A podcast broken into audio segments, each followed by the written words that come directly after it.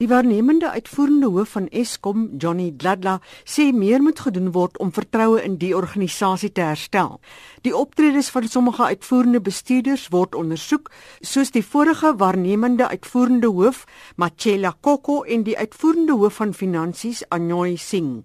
Volgens Dladla word sekere dienskontrakte van verskaffers heroorweeg. There'll be total focus on macro governance This is now across uh, ESCOM operations. The issue around the declaration of interest, which links to governance and ethics, the conflict of interest, if not expressed, what are the consequences, the perceived corruption and other pertinent issues, uh, which we mean to improve and will also help in our overall performance.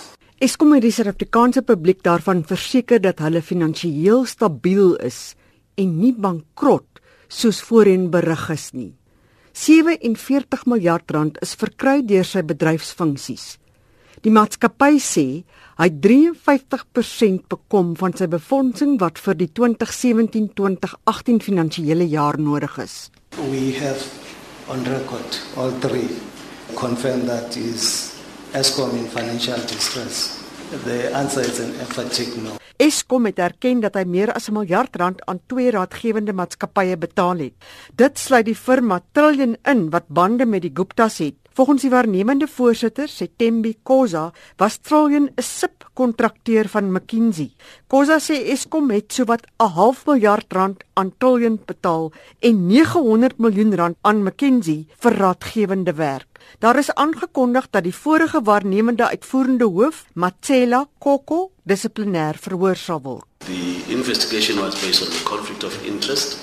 So the charges will be around the conflict of interest and also the fiduciary responsibility as the head of the divisions as some of the contracts happened within his own environment. Die tussentydse voorsitter, Setembe Khoza, hou vol dat Eskom finansiëel gesond is en dat die uitstelling van die vrystelling van die finansiële resultate 'n voorsorgmaatreël was as gevolg van 'n gekwalifiseerde audit. Eskom has originally planned to release its annual financial results on the 11th of July 2017. I would like to apologize on behalf of the board for the cancellation of the announcement at a short notice. The postponement was triggered by our auditors, Susan Saluba Koboto, submission to for the qualified opinion. It was prudent for ESCOM to ensure that we assess the impact, if any, on our financial agreements. I would like to assure you that we are not concerned that there is a direct impact on our financial agreements, hence the decision to go ahead and make announcement today. Eskom gaan glo miljoene rande in bonusse uitbetaal aan die voormalige uitvoerende hoof Brian Molefe, die geskorste waarnemende uitvoerende hoof Machela Koko en die finansiële hoof Anoy Singh. Singh gaan na verwagting 1,9 miljoen rand ontvang, maar hy sê dis 'n bonus wat hy verdien het. Yes, certainly I'm relatively comfortable with the value of the incentive bonus.